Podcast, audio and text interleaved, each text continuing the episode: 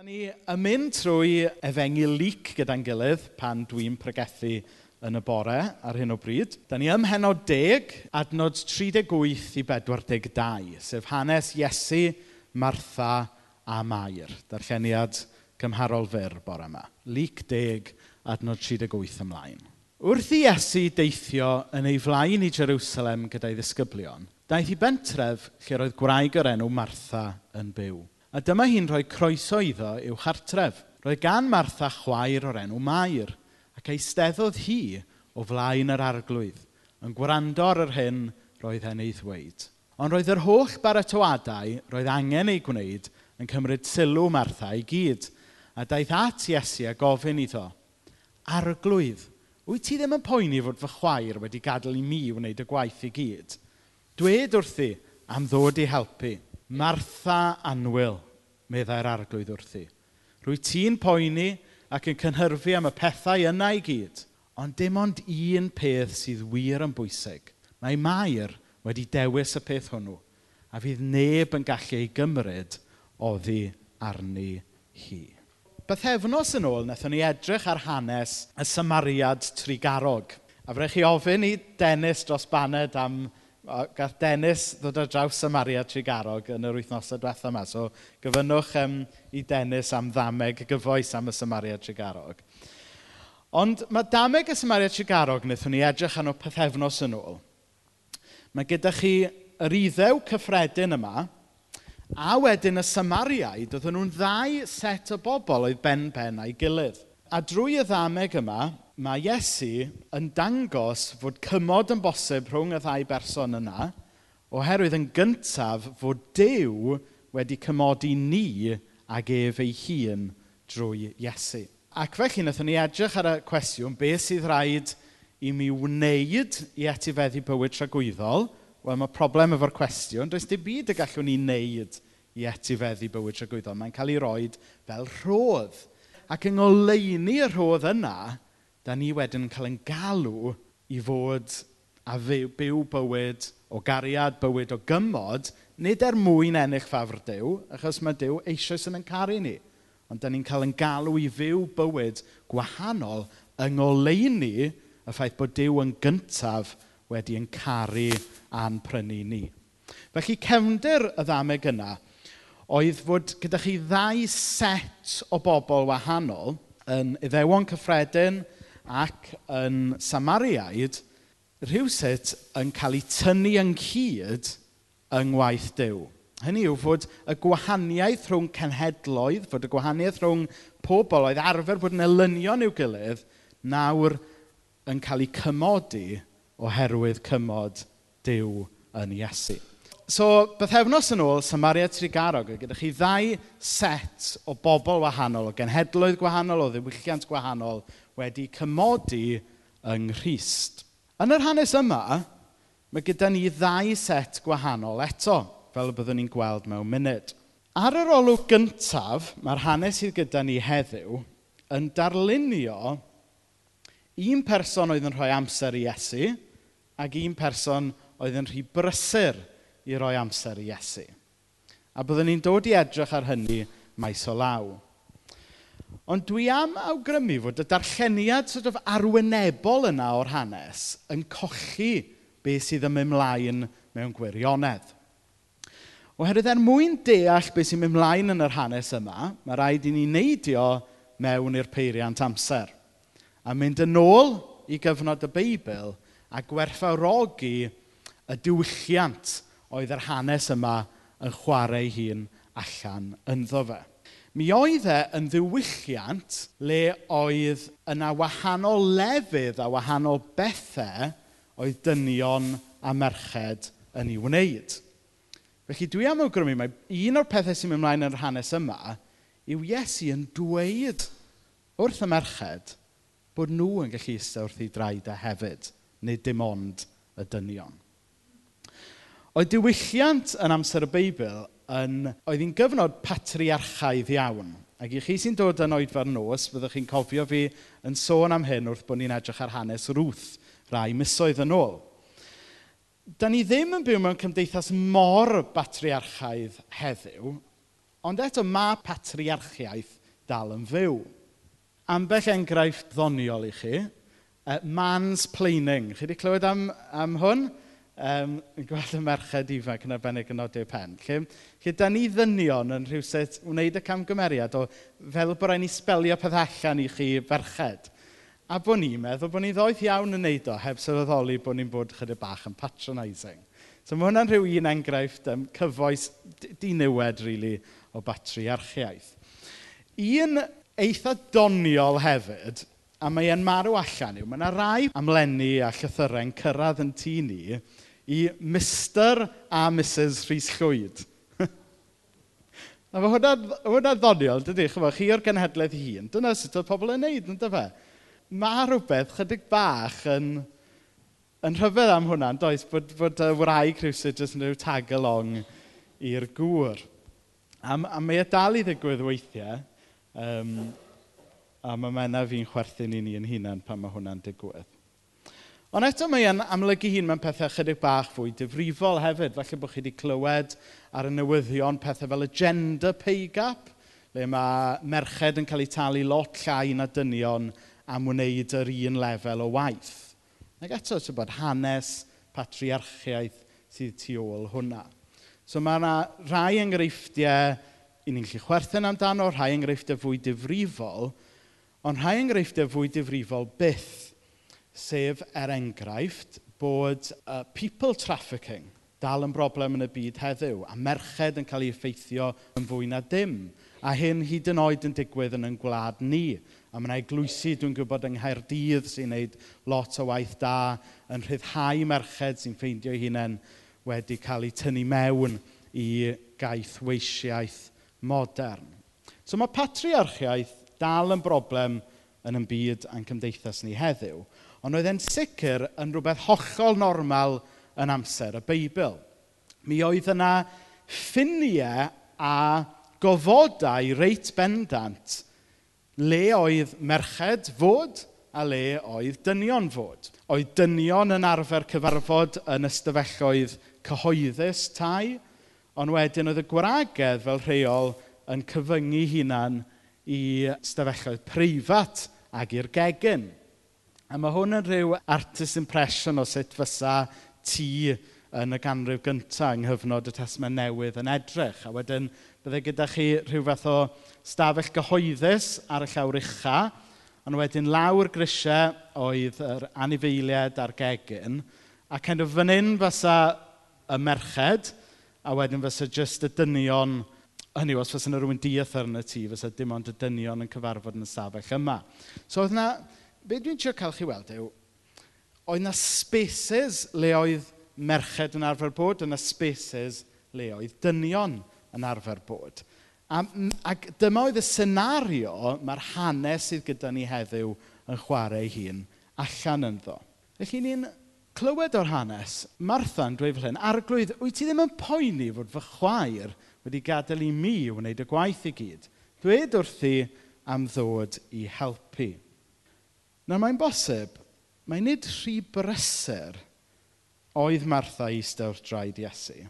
A mae nid blin oedd hi fod Mair ddim yn dod i'w helpu yn y gegin. Ond yn hytrach, falle oedd Martha ddim yn meddwl bod hawl ganddi fynd i'r ystafell gyhoeddus ag iste wrth draed Iesu. Falle oedd hi yn flin efo Mair am fihafio fel tasau hi'n ddyn. Chi'n deall beth sy'n gyda fi? bod hi wedi mynd i spes oedd merched yn, yn nghymdeithas yn y cyfnod yna ddim fel arfer yn cael mynd. Bod Martha bron yn dweud, Mair, pwy oedd hi'n meddwl oedd hi? Yn mynd i ystod draed Iesu'n ytrach na aros yn y gegin fan hyn gyda fi. Basically, roedd Martha chwaer o'r enw Mair ac eisteddodd hi Mair o flaen yr arglwydd yn gwrando ar yr hyn roedd e'n ei ddweud. A mae'r ffres yma, eistedd o flaen, neu, um, neu mae gwahanol gyfeithiadau'n cyfeithio fe mewn ffordd gwahanol, ond oedd yr ymadrodd yma ar y pryd, oedd y ffres yma eistedd wrth draed rhywun yn golygu yn syml i fod yn ddisgybl i'r rabau, i'r athro yna. Dyna oedd, oedd, oedd ystyr yr turn o ffres yna. Ac dyddi yma, i ni yn ystyried addysg yn werthfawr ynddo fe i hunan, yn dydyn. Dych chi'n clywed am rhai pobl yn neud gradd arall ar ôl ymddeol. Chyfod, pwy fysa eisiau gwneud hynna? Ond chyfod, mae rhai pobl yn neud. Dych chi'n clywed am rai pobl, rhai gweinidogion hyd yn oed, yn dechrau wneud PhD yn ei 60au. Yn fel, tyfu well dy fi, watch a box set ar teledu. Ond ond y, y pwynt ydych chi'n wneud, yn yn diwylliant ni, mae pobl yn cyfri addysg yn werthfawr ynddo fe ei hunain. A mae e. Ond doedd hwnna ddim yn wir yn y cyfnod yma. Yn y cyfnod yma, oedd rhywun yn eistedd wrth draed athro er mwyn efelychu yr athro. Oedd rhywun yn eistedd wrth draed athro i fod yn debycach i'r athro. Oedd rhywun yn eistedd wrth draed athro er mwyn ymhen ychydig i fod yn athro eu hunain ac arwain eraill i fod yn disgyblion. Dyma oedd sort of y patrwm dysgu y newylliant ar y pryd. Felly, os i ni'n meddwl am hynna, mae yna rhyw fath o dybl scandal fan hyn gyda Mair. Nid yn unig bod hi wedi mynd o'r gegin i'r stafell gyhoeddus, i stafell y dynion, ond mae hi hefyd yn cymryd i lle wrth draed yr athro Achos bod hi eisiau cymryd ar ei hun i gael ei galw hefyd maes o law i arwain eraill at Iesu. Chi'n gweld beth sy'n mynd ymlaen fan hyn? Fod, fod Mair fel merch yn y gymdeithas batriarchaidd yma oedd yn amser y Beibl ar y pryd, bod hi'n gweld fod yr alwad nid jyst i fod yn ddisgybl i Iesu, Ond fod yr alwad i wneud disgyblion i Iesu hefyd yn alwad mae merched llawn gymaint o dynion yn cael ei galw iddo fe. Nawr falle yn yn oes ni bod hwnna ddim yn rocket science. Da ni wrth gwrs yn gwybod fod yn galw bechgyn a merched i fod yn disgyblion iddo fe. I ni'n gwybod fod yr alwad i wneud disgyblion yn alwad i ferched yn ogystal â bechgyn. Ond yn y ganrif gyntaf, Oedd hwn yn rhywbeth radical iawn. Yn yr un ffordd oedd dameg y Samaria Trigarog yn dweud fod galwad teirnas ddew i'r Samariaid yn ogystal â'r Iddewon, mae'r ddameg yma'n dweithio ni fod galwad teirnas ddew i ferched yn ogystal â dynion. Hynny yw fod yr efengil grisnogol yn efengil i bawb. Beth bynnag yw eich hil chi, beth bynnag yw eich rhyw chi. A mae'r alwad i wneud ddisgyblion yn sicr yn rhywbeth rhy bwysig i adael i'r dynion yn unig os hoffech chi roi de fel yna. Dyma un dyfyniad ddysio draws mewn un esboniad. Mary stands for all those women who, when they hear Jesus speaking about the kingdom, know that God is calling them to listen carefully so that they can speak of it too. Nawr, dwi ddim yn awgrymu fod Iesu yn rhyw fath o first century feminist. Nid, nid dyna sydd yn mynd mlaen fan hyn. Be oedd Iesu'n gwneud oedd ail-ddiffinio perthynas pobl efo'i gilydd. Oedd yr eddewon yn meddwl bod nhw'n hil bwysicach na cenhedloedd eraill. Oedd Iesu'n dweud na, mae'r efengyl grisnogol yn dod i bob cenedl a phob iaith. Oedd dynion yng nghyfnod y tesma Newydd yn meddwl bod nhw yn bwysicach na gwragedd. Ond mae Iesu'n dweud na. Mae dynion a gwragedd wedi cael eu creu ar lun a delw diw'r un fath, a mae galwad yr efengil i ddynion a merched yr un fath. A dyw Iesu chwaith ddim yn dweud nawr bod dim gwahaniaeth rhwng cenhedloedd a, a bod dim gwahaniaeth rhwng dynion a merched. Oes, mae yna wahaniaeth rhwng iddewon a cenhedloedd eraill.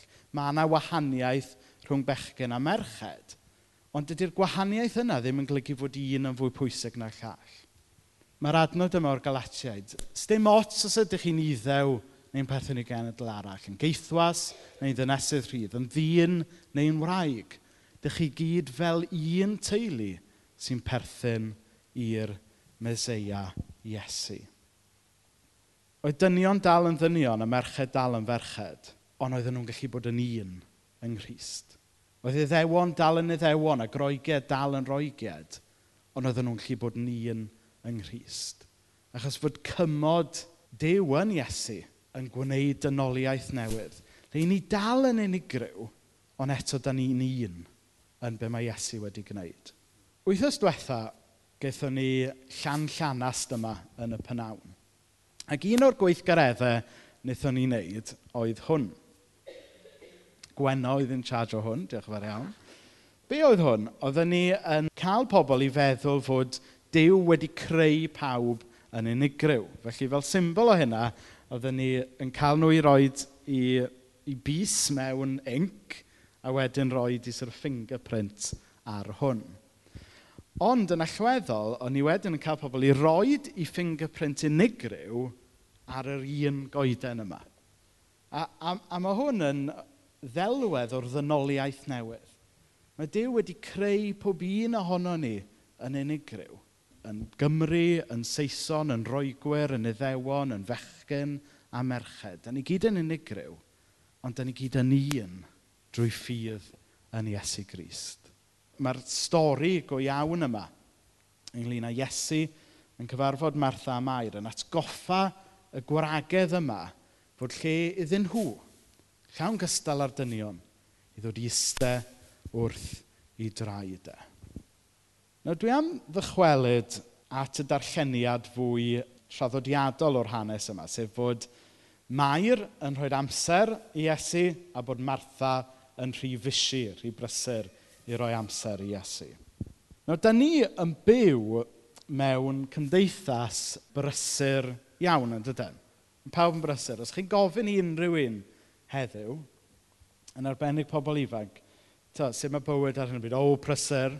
Pawb wastad yn brysur, dydy. A mae'r holl brysurdeb yma, dwi'n meddwl, yn arwain i ofyd, i orbryder.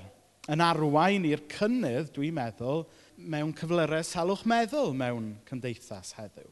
A dwi'n cofio y, y pwnc yma yn cael ei drafod mewn cynhadledd gweinidogion rai blynyddoedd yn ôl. Sut, sut da ni fel gweinidogion yn gallu bugeilio eglwys llawn o bobl prysur fatha chi? A dwi'n cofio Gwyn Williams, y diweddar Gwyn Williams, um, dyn arbennig iawn oedd yn weinidog yng Nghaerdydd ac yn weinidog um, ar Mamgi a Tad cu.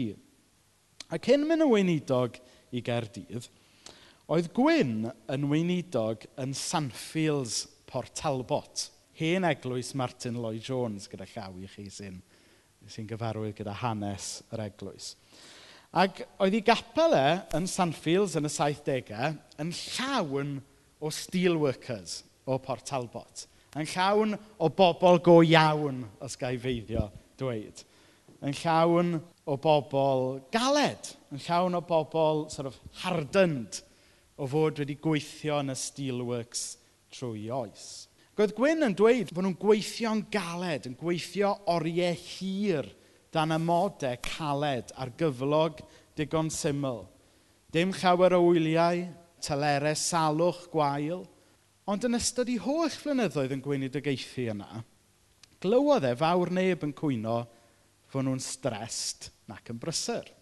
Wedyn, ath e'n weinidog ar eglwys hollol wahanol wedyn, i eglwys Gymraeg, eitha dosbarth canol yng, yng Nghaerdydd, le oedd amodau gwaith yr aelodau lot gwell. Gweithio llai, or, llai oriau, cyflogau, e, llawer gwell.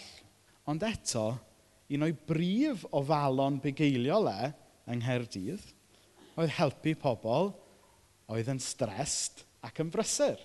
Ac oedd Gwyn yn gweld o'n ddiddorol iawn, tybo, bod bod yr eglwys yma yn sanffydd, le pobl sort of yn neud gwaith corfforol, caled, bron fel cog mewn machine, ond eto, doedd nhw ddim yn stressed, ond eto, yn y cyfnod fwy modern, mewn dinas, efo swyddi fwy proffesiynol, fyna oedd pawb yn stressed ac yn brysur. Mae Gwyn, wrth gwrs, yn ddyn doeth iawn, so dde ddim yn cynnig dadansoddi y peth, oedd e just observation oedd e a, a well i fi gadw at doedd hineb gwyn hefyd.